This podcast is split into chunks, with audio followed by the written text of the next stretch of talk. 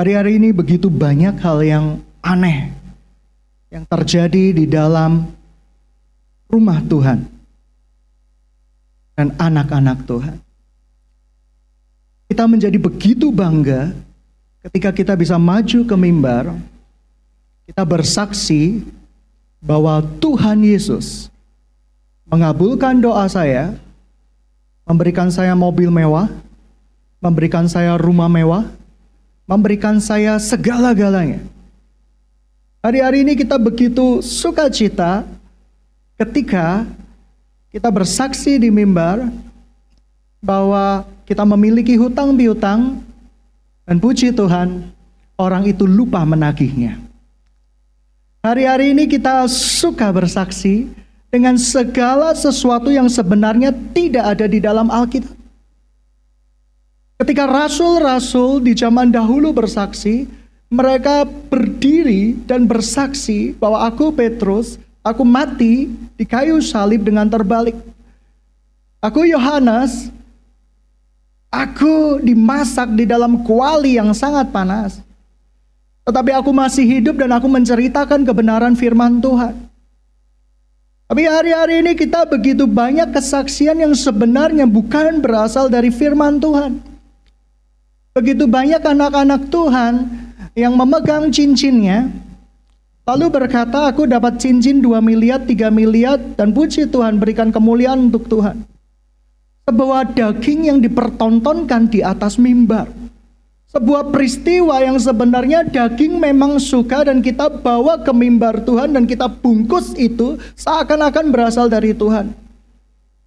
Begitu banyak Anak-anak Tuhan berlomba memenangkan jiwa yang sebenarnya bukan jiwa-jiwa, tetapi sebenarnya dasar yang sudah dibangun oleh gereja yang lain.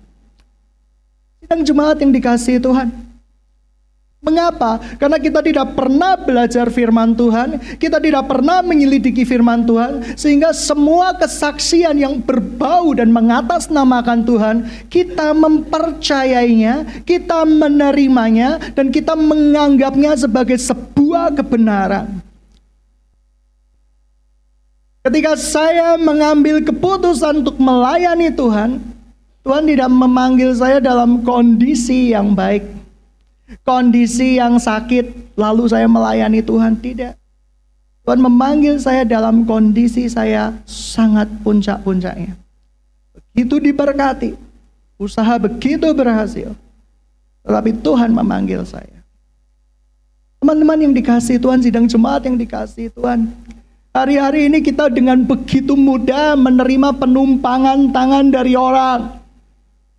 Hari-hari ini kita dengan begitu mudah menyatakan sebuah kejadian berasal dari Roh Kudus, tapi tanpa mau belajar kebenaran firman Tuhan. Hari-hari ini sangat mudah anak-anak Tuhan untuk menjadi seorang hamba Tuhan, punya media yang kuat, punya Instagram yang hebat, punya YouTube yang banyak followernya, dibubui cerita novel, jadilah Anda hamba Tuhan. Tapi sedang jemaat yang dikasih Tuhan, di Alkitab tidak pernah ada yang mengatakan demikian. Pada waktu Tuhan Yesus berkhotbah di atas bukit tidak ada brosur-brosur yang menarik, tidak ada Instagram, tidak ada segala sesuatu yang bisa membuat Tuhan Yesus sebagai brand. Hari-hari ini begitu banyak anak-anak Tuhan menciptakan sebuah brand. Supaya apa? Supaya orang mengerti, tertarik, dan seakan-akan dengan brand tertentu, mereka sangat diurapi oleh Tuhan. Begitu banyak kesaksian-kesaksian yang sebagian besar palsu, sebagian kecil asli, di blow up sedemikian rupa, sehingga mengesankan seakan-akan Tuhan berkarya atas mereka. Tipuan dari setan. Bagaimana kita bisa mengenal seseorang? Tuhan berkata dari buahnya. Buah menurut siapa? Menurut cara pandang Tuhan atau cara pandang manusia? Buah menurut cara pandang Tuhan adalah kasih, damai sejahtera, sukacita. Dan buah yang terbesar yang Tuhan akui jikalau engkau tinggal di dalam Tuhan, yaitu engkau melekat di sang pokok anggur, yaitu Tuhan Yesus Kristus. Bagaimana kita menjadi anak-anak Tuhan yang berdampak? 7-8 tahun yang lalu ketika kami memiliki radio dan begitu banyak mujizat terjadi di sana. Begitu banyak kesembuhan yang terjadi di sana. Orang mati dibangkitkan. Daging yang tangan yang putus tumbuh daging kembali. Kami begitu bersuka cita. Kami berusaha untuk menciptakan sebuah brand dan kami akan uh, launching sampai suatu hari Tuhan datang di kamar saya dan berkata, engkau mengambil kemuliaan yang merupakan kemuliaanku. Hentikan itu. Sebab semua orang tidak harus melalui seorang hamba Tuhan. Jikalau meminta kepadaku, aku akan menyembuhkannya. Terkutuklah jikalau engkau punya kerinduan untuk mengambil kemuliaan yang merupakan bagianku. Sejak saat itu, saya mengundurkan diri. Saya berdoa, saya berdoa. Tuhan, aku ingin rindu mengenalmu lebih dekat, lebih dekat, dan lebih dekat lagi. Dan jemaat yang dikasih Tuhan ada seorang bapak belasan tahun yang lalu datang kepada saya. Dia pendengar radio. Dia berkata punya begitu banyak hutang piutang.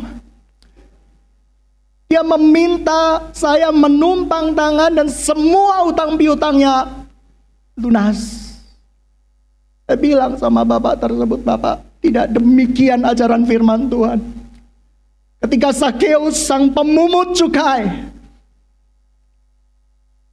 mengambil laba orang lain, mengambil uang orang lain yang tidak pada mestinya. Sakeus mengembalikannya bahkan dua kali lipat. Tapi hari-hari ini Jikalau Bapak mendengarkan ajaran saya menumpang tangan, maka semua hutang piutang lunas itu bukan dari Tuhan. Karena Tuhan Yesus tidak pernah mengajarkan demikian. Kekristenan yang berasal dari firman Tuhan adalah kekristenan yang bertanggung jawab. Kekristenan yang bertanggung jawab kepada Tuhan dan bertanggung jawab pada diri sendiri. Oleh karena itu, begitu banyak ajaran-ajaran yang merasuk ke anak-anak muda yang mengatakan bahwa engkau boleh melakukan segala perkara yang engkau ingini asalkan kau nyenengin hati Tuhan, memuji, menyembah Tuhan. Stop. Itu bukan dari Tuhan, itu sepertinya dari Tuhan, tetapi tidak sepenuhnya dari Tuhan. Dan jemaat yang dikasih Tuhan, saya bilang sama Bapak itu, Bapak bekerja, bereskan hutang-hutangmu, dan hidupmu akan memuliakan nama Tuhan. Kekristenan yang ada bukan kekristenan yang instan. Sungguh cerita yang sangat berbeda. Ketika dahulu saya punya nenek, dan nenek berkata bahwa mengikut Tuhan harus memikul salibnya. Menyangkal dirinya. Dan memberikan apa yang Tuhan mau. Pada perjamuan makan terakhir, Tuhan Yesus mengambil cawan. Ada peristiwa-peristiwa yang begitu agung, begitu mulia, begitu luar biasa. Ada sesuatu peristiwa yang begitu berkesan ketika kita akan melewati sebuah kejadian. Ketika Bapak Ibu akan melewati sebuah pernikahan, di situ ada anggur, ada cawan yang harus engkau minum. Artinya apa? Aku mengambil bagian. Cawan dalam bahasa aslinya adalah mengambil bagian. Ketika Tuhan mengambil cawan di tangannya, saya percaya pikirannya berperang. Ada dua cawan yang dia akan minum. Cawan yang pertama adalah cawan yang berasal dari dunia. Ketika dia mau meminum itu, dia melihat gambaran-gambaran ibunya, bapaknya, murid-muridnya, Maria Magdalena yang demikian mengasihi dia dan dia harus meninggalkan mereka. Saya percaya itu pergumulan terbesar Tuhan Yesus. Bergumul. Bergumul. Sebab dia bisa memilih untuk tidak disalib karena dia 100% manusia. Tapi dia 100% Tuhan. Cawan yang kedua. Dia meriasakan, dia melihat dirinya dicambuk, disalibkan, diperlakukan tidak adil, darahnya menetes. Dia harus menanggung penderitaan berjam-jam lamanya di kayu salib. Cawan mana yang dia harus ambil? Jemaat yang dikasih Tuhan, cawan mana ketika Tuhan memilihkan buat kita mana yang harus kita ambil? Mungkin kita memilih cawan yang berasal dari dunia ini, kesuksesan, ketenaran. Stop. Alkitab tidak pernah mengatakan demikian. Saya percaya hidup kita akan diberkati Tuhan sesuai dengan ukurannya Tuhan, bukan ukuran kedagingan kita. Karena daging tidak akan pernah puas. Daging diberikan mobil satu tidak akan puas, dia akan meminta mobil dua. Daging ketika diberikan mobil dua tidak akan puas, dia akan meminta mobil tiga. Daging ketika diberikan mobil empat, dia tidak akan puas. Tetapi Allahku akan mencukupi segala kebutuhanku menurut kekayaan dan hikmatnya, menurut kekayaan dan kemuliaannya. Itu yang terjadi. Oleh karena itu, sedang jemaat yang dikasih Tuhan, kita mulai belajar mendengarkan kebenaran Injil yang sebenar-benarnya. Perkabaran Injil yang tidak diselewengkan dengan maksud dan tujuan tertentu. Perkabaran Injil yang bukan menjadi sebuah industri atau sebuah pendapatan di dalam gereja Tuhan. Tetapi yang sungguh-sungguh mau melayani Tuhan, yang mau membayar berapapun harganya yang Tuhan minta kita untuk bayar. Ketika saya berdoa, cawan mana yang harus saya minum? Saya bisa meminum cawan kesuksesan dunia saya bisa membahagiakan bapak, ayah, ibu saya. Mungkin bisa membuat mereka pergi ke Israel berkali-kali. Atau saya harus mengambil cawan bagiannya Tuhan. Yang tidak mudah. Di mana daging saya disalibkan berulang-ulang, keinginan saya ditundukkan berulang-ulang, tetapi saya percaya Yesus disenangkan, nama Yesus dimuliakan. Bagaimana bisa kita meminta doa kita dijawab oleh Tuhan? Sedangkan di handphone kita, kita menyembunyikan gambar-gambar kotor dan telanjang. Bagaimana mungkin doa kita dijawab oleh Tuhan, sedangkan koleksi film porno kita di rumah kita begitu banyak menumpuk. Bagaimana kita bisa diurapi dan diberkati Tuhan? Jikalau bibir kita yang digunakan untuk memuji Tuhan Tetapi untuk menggosip, mencaci maki, mencela satu sama yang lain Tidak ada dan kalau engkau berkata, engkau berkata-kata di dalam roh, berbahasa roh di hari Minggu, saya pun berbahasa roh. Tetapi hidupmu dari Senin sampai Sabtu di luar Roh Kudus, sesungguhnya engkau tidak tinggal di dalam Tuhan. Dan ketika kita tidak tinggal di dalam Tuhan, maka saya percaya tidak ada satupun namamu yang tercatat di dalam kitab kehidupan. Karena kekristenan bukanlah stempel Kristen, Kekristenan adalah mengambil cawan Kristus di dalam hidupnya. Sidang jemaat yang dikasih Tuhan. Mari kita menjadi orang yang pandai menelanjangi perkara-perkara kotor. Tetapi dalam kita menjadi orang yang bodoh di dalam kejahatan. Berapa banyak anak-anak muda hidupmu kamu investasikan untuk sesuatu yang tidak berguna. Kau main game. Kau habiskan segala sesuatu hidupmu bersenang-senanglah. Sehingga pengkhotbah katakan bersenang-senanglah. Tapi kamu gak akan tahu apa yang menimpamu di hari depan. Belajar dari kebenaran firman Tuhan. Belajar memahami firman Tuhan. Sebab ini adalah pelita bagi kaki kita dan terang bagi jalan-jalan kita.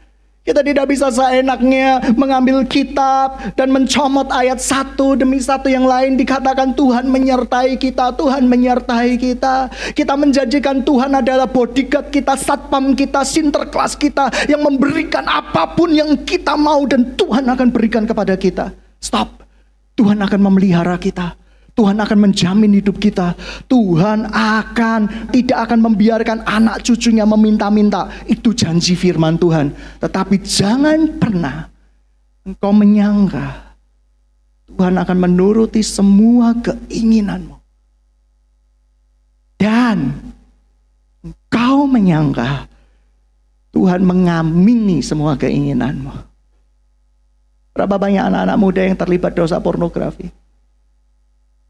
Ketika satu kali kamu masuk di dalam pornografi, kamu akan begitu sukar menghilangkannya di pikiran engkau.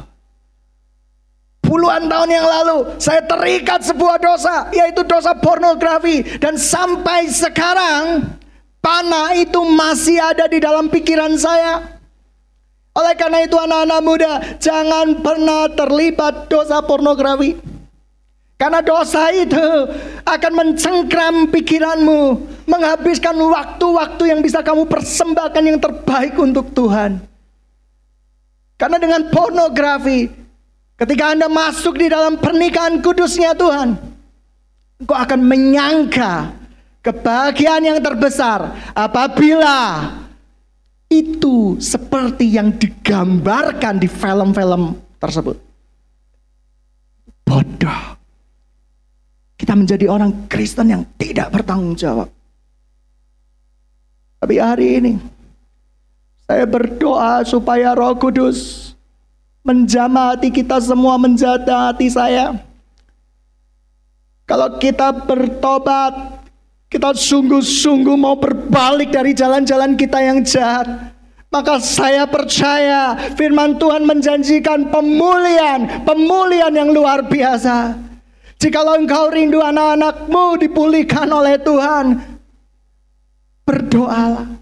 Meminta cawan kerinduan Tuhan yang engkau minum. Ketika saya harus meminum cawan saya, ketika Tuhan Yesus harus meminum cawannya, saya tahu itu tidak mudah. Saya tahu daging saya pasti berontak. Saya tahu daging saya pasti tidak terima. Tetapi saya percaya ketika kita meminum cawan yang dari sorga, yang diberikan Tuhan di dalam hidup kita, saya percaya kita akan disertai oleh Tuhan, kita akan didampingi oleh Tuhan dan itu cukup bagi kita. Sedang jemaat yang dikasih Tuhan, minta roh kudus. Hari ini. Untuk mengingatkan dosa-dosa kita. Mungkin kau orang seorang worship leader. Mungkin engkau seorang yang suka menyanyi di dalam Tuhan Tetapi lagu yang terbaik, penyembahan yang terbaik bukanlah dari nyanyianmu Tetapi dari hidupmu yang bernilai di hadapan Tuhan Dari hidupmu yang dipersembahkan untuk kemuliaan nama Tuhan Dari hidupmu yang sungguh-sungguh engkau serahkan untuk Tuhan. Itulah ibadah yang sejati. Ketika engkau mengeluarkan celah dari bibir untuk memuji namaku untuk memuliakan namaku, untuk mengatakan hal-hal yang benar. Bukan untuk kutuk sumpah serapah. Para suami, bagaimana istrimu bisa menghormati engkau? Jikalau engkau berkata kepada istrimu, aku salah pilih engkau. Para istri bagaimana suamimu bisa menghormatimu ketika mereka datang dengan berpeluh lelah Lalu engkau berkata, engkau tidak mengerti kecapekanku, engkau tidak mengerti keletihanku di rumah ini. Kata-kata kita tidak ada kata-kata pujian. Kata-kata kita tidak ada kata-kata ucapan syukur. Kata-kata kita tidak ada kata-kata berkat. Bagaimana Tuhan bisa merubah kita? Anda datang kepada satu KKR, Anda digerakkan di satu KKR, Anda menangis di satu KKR, tapi setelah pas pulang itu, KKR itu hanyalah tinggal slogan dan tinggal nama, percuma dan sia-sia. KKR yang terbaik adalah engkau membawa kematian Kristus setiap hari di dalam hidupmu. Cawan ucapan syukur Tuhan adalah cawan yang mengambil kematian Kristus di dalam hidup kita setiap hari dan setiap hari. Saya berdoa. Bukan hal-hal yang baik menurut dunia yang terjadi, tapi menurut hal-hal yang baik menurut surga yang terjadi. Saya berdoa Tuhan agar anak-anak saya gelap itu tidak mudah. Tapi rindu engkau pakai mereka menjadi alat kasihmu. Ah, menjadi alat kerinduanmu Tuhan. Ke jalan-jalan yang terjal mungkin harus nama tempuh. Tetapi namamu dipermuliakan. Nama Yesus engkau ditinggikan. Mengapa sekarang begitu banyak nama Yesus dihujat? Mengapa ketika saya menginjili ke beberapa orang dan berkata, aku udah sering ke gereja. Tapi Tuhan Yesus jahat, utangku masih ada. Tuhan Yesus tidak baik, anakku masih sakit. Tuhan tidak pernah mengajarkan kekristenan yang demikian. Saya berkata kepada dua orang itu, saya layak mati, saya layak binasa. Saya pecandu film kotor di masa muda saya. Saya pembe, saya adalah seorang pemfitnah, penipu, tetapi saya ditebus oleh darah Yesus. Oleh karena itu sebenarnya saya sangat layak masuk neraka, tetapi karena kasih Tuhan, saya digantikan oleh Dia dan Dia yang masuk ke dalam alam maut dan memenangkan maut tersebut. Saya bilang sama dua orang itu, Harga yang harus kita bayar itu harus ada. Kau buat dosa, kau harus tabur. Kau tabur apa, engkau akan tuai. Tapi bersama Tuhan Yesus, Tuhan akan pegang tangan kita. Dan kita akan menuainya. Tuhan akan memberikan kekuatan, penghiburan buat kita. Bukan begitu caranya. Bukan begitu caranya ketika Anda berhutang satu miliar. Minta Tuhan Yesus yang bayarkan. Anda tidak perlu bekerja. Tidak. Tidak demikian hukum firman Tuhan kita pendosa. Tuhan menggantikan dosa-dosa kita. Supaya kita yang tadinya binasa bisa memperoleh hidup yang kekal. Berapa banyak anak-anak di tempat ini. Pemuda-pemuda di tempat ini. Bapak Ibu di tempat ini yang mau berkata. Aku mau meminum cawannya Tuhan. Aku mau meminum cawannya Tuhan. Walaupun dunia menawarkan aku cawan yang berbeda. Dunia menawarkan cawan kepadaku yaitu kenikmatan bersama dengan saudara-saudaraku, ikut jalan-jalan ke luar negeri, ikut jalan-jalan ke Israel, ikut jalan-jalan ke mana itu bayangan kita. Tetapi cawan Tuhan atau tujuan hidup Tuhan di dalam hidup kita berbeda. Mungkin cawan tujuan hidup Tuhan di dalam hidupmu, engkau akan menjadi pengusaha yang diurapi Tuhan, yang diberkati Tuhan, tetapi uang bukan menjadi fokusmu. Yesus yang menjadi fokusmu. Mungkin cawan tujuan Tuhan di dalam hidupmu adalah menjadi misionaris-misionaris. Menjadi seorang penginjil-penginjil saya berdoa pemuda-pemuda hari ini engkau dibangkitkan menjadi penginjil-penginjilnya Tuhan. Engkau dibangkitkan menjadi pembicara-pembicaranya Tuhan dengan api dari sorga. Bukan api dari bumi ini. Bukan dari api kedagingan. Api kepalsuan. Api penipuan. Sehingga Anda bisa bersaksi bahwa firman Tuhan ya dan amin. Anda tidak perlu mengarang cerita. Ada satu orang yang mengarang cerita. Dia sharing sama saya, aku pernah pergi ke sorga. Rohani sekali. Saya tanya, sorganya tingkat berapa? Tingkat 14. 14. Lalu dia berkata, Tuhan baik, Tuhan rindu gereja ini dimuliakan. Tuhan rindu pelayanan dari tempat ini dimuliakan. Yang rohani-rohani yang diceritakan. Yang seakan-akan itu berasal dari Tuhan. Tapi entah kenapa. Saya punya keberanian yang suci. Saya langsung berdoa. Dalam nama Yesus siapa engkau? Yesus aku kenal. Tapi engkau siapa? Dia terdiam. Jangan bersaksi dusta. Banyak orang yang menyangka yang penting jiwa-jiwa berdatangan kita ngibul-ngibul soal kesaksian tidak apa-apa. Bapak kita itu bukan bapak ngibul. Kita kadang membranding kesaksian kita pergi ke sorga, diciap, diciptakan buku-buku untuk mengesankan seakan-akan kita adalah orang yang dari sorga, yang paling dekat sama Tuhan sehingga kita kabur. Berita firman Tuhan itu kabur.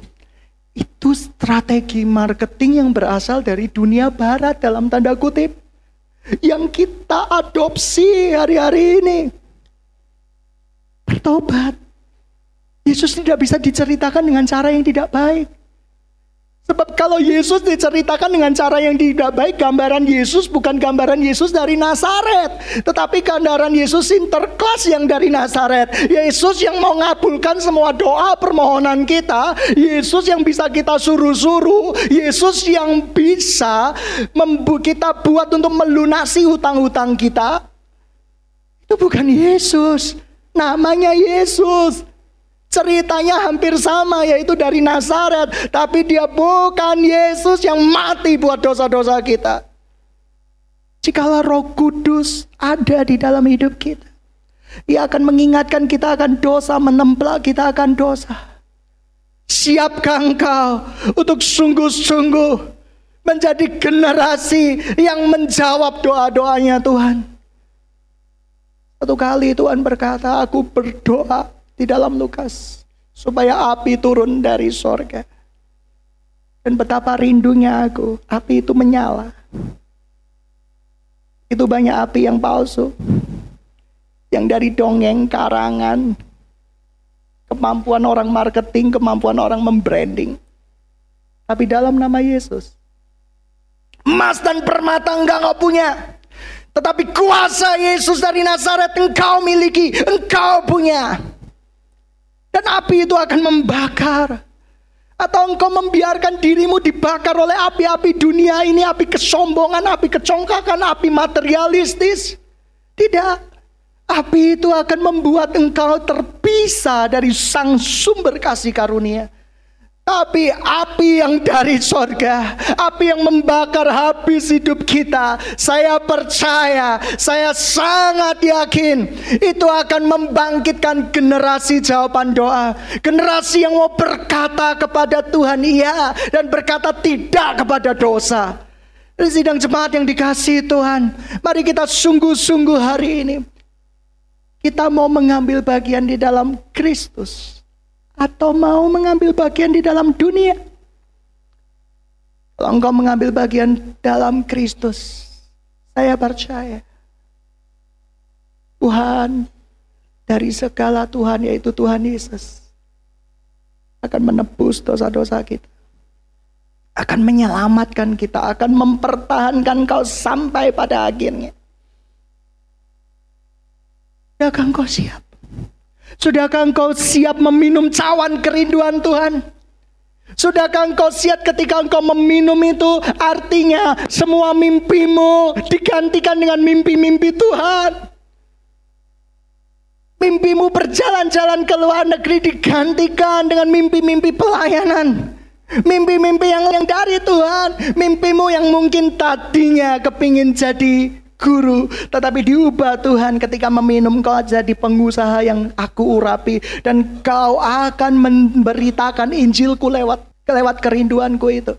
Mungkin ketika engkau meminum cawan untuk menjadi seorang pengusaha, tapi Tuhan berkata, "Ya, engkau akan menjadi misionarisku ke daerah-daerah kecil. Engkau akan ada di sana. Engkau akan menginjili di sana. Engkau akan menceritakan kebenaran firmanku di sana. Engkau akan hidup bergantung penuh kepadaku dan engkau akan mendapatkan pemulasan dari sukacitaku."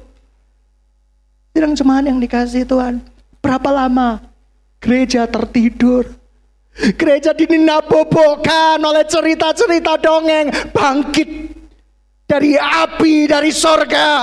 Api yang membakar hidup kita.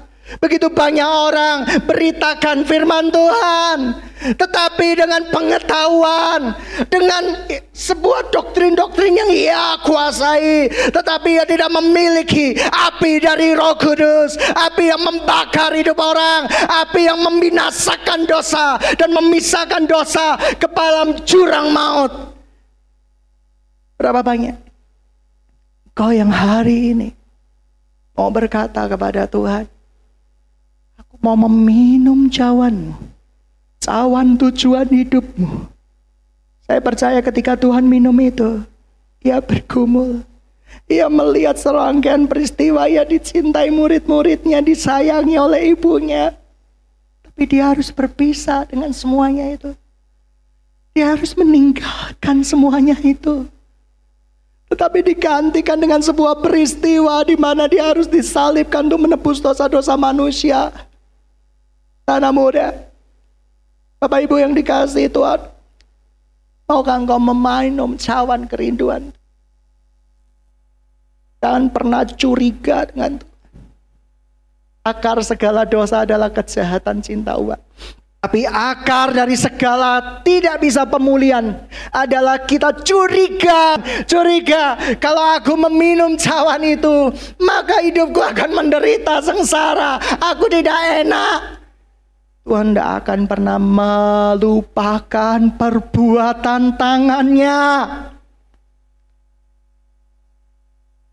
Ketika saya dipanggil oleh Tuhan, saya tinggalkan bisnis saya yang sanggup menghasilkan belasan rumah. Tapi saya tahu pada siapa berita Injil ini harus diberitakan. Apakah saya harus berpuas diri dengan kesenangan-kesenangan saya? Orang yang diberkati Tuhan bukan orang yang memiliki segala sesuatunya, tetapi orang yang mau menyerahkan segala sesuatunya untuk Tuhan. Orang yang diberkati Tuhan, orang yang sukses, bukanlah orang yang memiliki segala harta dunia, tapi yang mau merelakan segala-galanya untuk kemuliaan nama Tuhan. Saya mau nama saya dikenal di dalam kitab kehidupan. Bagaimana dengan engkau? Apakah sungguh-sungguh roh kudus ada di dalam hidupmu? Yang menemplak semua dosa-dosamu? Yang berkata stop terhadap umpatan-umpatanmu? Yang berkata stop terhadap dosa-dosamu?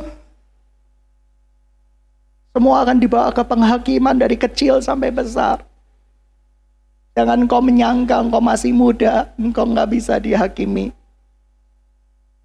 Tapi sungguh kasih Yesus itu besar dan luar biasa. Hari ini, saya rindu cawan sucinya Tuhan. The Holy Grail. Cawan kerinduan Tuhan. Oh, kita minum bersama-sama. Dan ketika kita minum, be it unto me, Lord, according to your word. Jadilah jadi apa yang menjadi kehendakmu di dalam hidupku. Mari kita tundukkan kepala kita. Saya minta pemain musik maju ke depan. Berapa banyak lagi engkau maju mundur di dalam Tuhan? Berapa banyak lagi hidupmu diombang-ambingkan oleh rupa-rupa pengajaran yang ada di muka bumi ini? Berapa banyak lagi engkau curiga dengan Tuhan. Kalau aku meminum cawan kerinduan Tuhan, nanti kalau anakku nggak sembuh bagaimana? Anakku tetap sakit bagaimana? Engkau tidak mengenal kuasa Tuhan. Dan hari ini, siapa yang sungguh-sungguh mau? Dan hari ini, siapa yang mau meminum cawan itu, Anda tidak perlu maju ke depan. Anda cukup mengangkat tangan kanan di tempatmu. Siapa yang mau meminum cawannya Tuhan? Siapa yang mau meminum cawannya Tuhan? Angkat tangan. Hari ini Roh Kudus bekerja. Hari ini Roh Kudus mengingatkan akan dosa. Mungkin aku, engkau bingung apa yang harus kulakukan? Aku tidak bisa merasakan Tuhan. Sama sekali. Aku tidak bisa merasakan Tuhan. Ke gereja aku selalu kepingin kabur. Hei, hari ini roh kudus ada di tempat ini.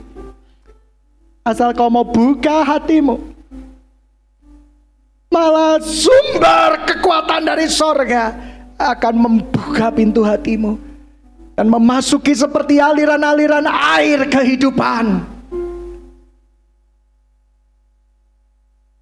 Yang mau meminum angkat tinggi-tinggi. Tidak usah maju ke depan. Kau bisa bangkit dari tempatmu yang sudah mengangkat tangan. Kita angkat kedua tangan kita.